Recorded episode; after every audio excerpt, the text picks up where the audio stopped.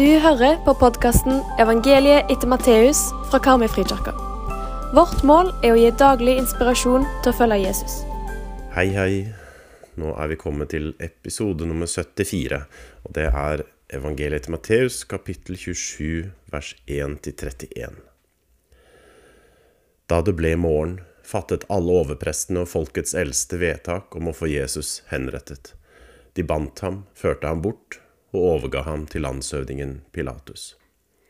Men da Judas, han som hadde forrådt ham, så at Jesus var blitt dømt, angret han og gikk med de 30 sølvpengene tilbake til overprestene og de eldste og sa, Jeg har syndet da jeg forrådte en uskyldig og sendte ham i døden.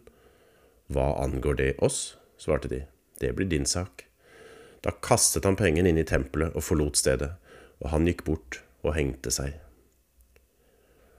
Overprestene tok sølvpengene, men sa, Det er ikke tillatt å gå dem og la dem gå i tempelets kasse, for det er blodpenger.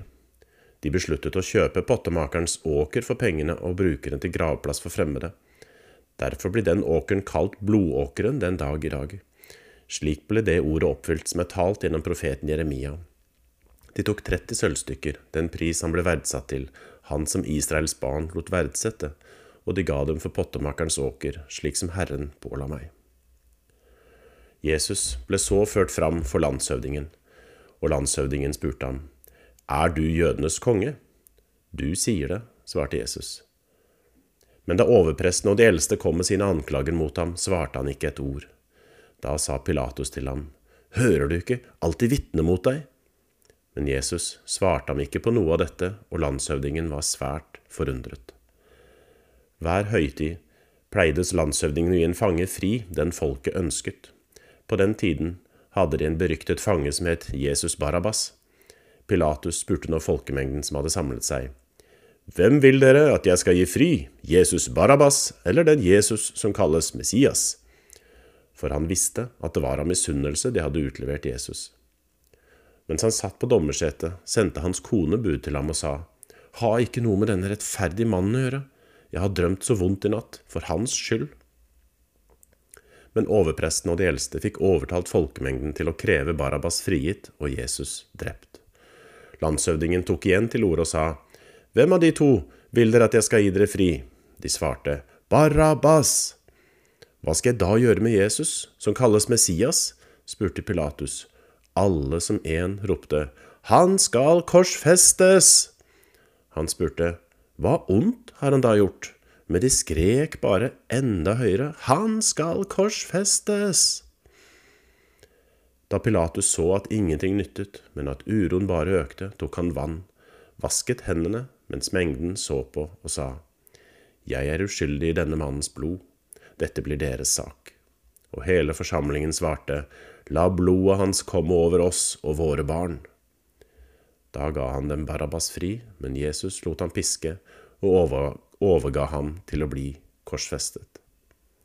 Landshøvdingens soldater tok da Jesus med seg inn i borgen og samlet hele vaktstyrken omkring ham.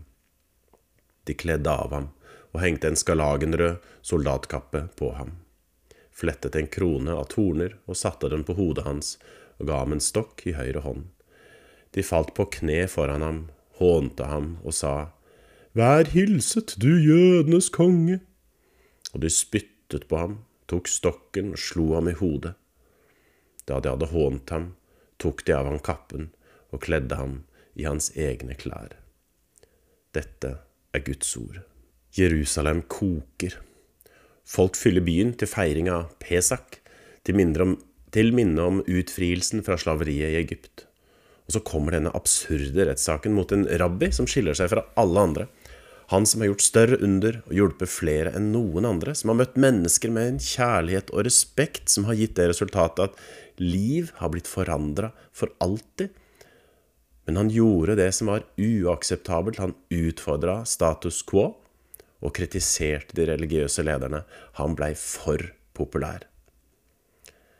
Vet ikke om du la merke til det, men dette her er en del av, av historien som fortelles nesten helt uten at Jesus selv deltar. Det eneste som han sier i hele denne teksten, det er 'du sier det', da Pilatus spør om han er jødenes konge.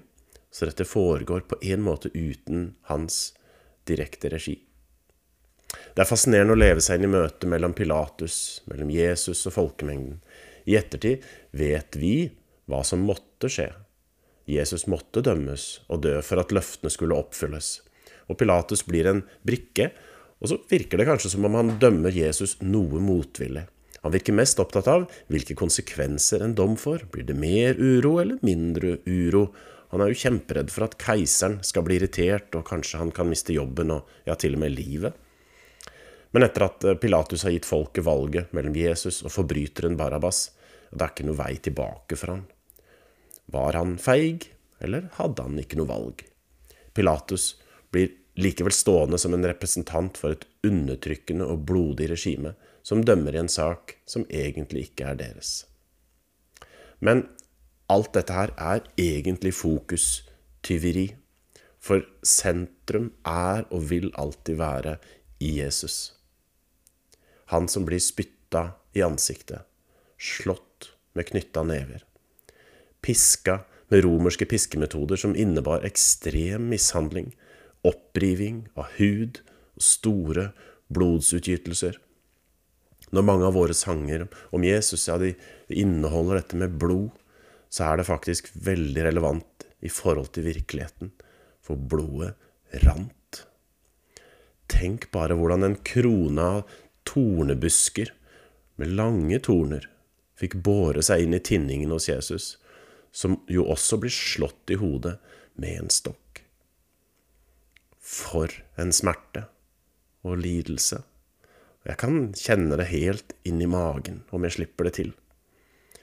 Jeg orker ikke å gjøre det så ofte, men, men jeg opplever det likevel som en, en vond og plagsom, men også en god og sunn øving å tenke over det som Jesus måtte gjennomgå av smerte, og av hån og av spott, uten å forsvare seg. Og så tenker jeg på det faktum at hver hendelse gjennomgår han for min skyld, for min synd, for vår skyld og for vår synd. For så høyt elsker Gud verden, for så høyt elsker Gud meg og deg.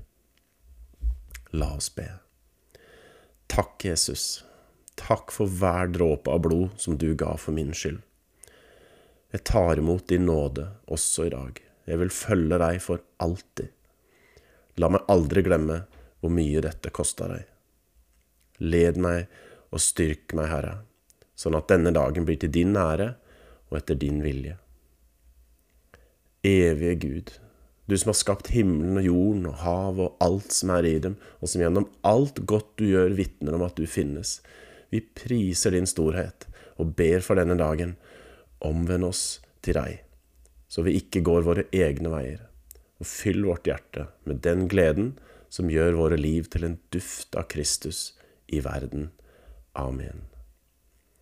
Må Guds fred, som overgår all forstand, bevare våre hjerter og tanker i Jesus Kristus.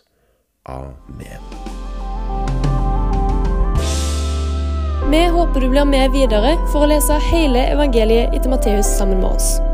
Leseplanen finner du på våre nettsider.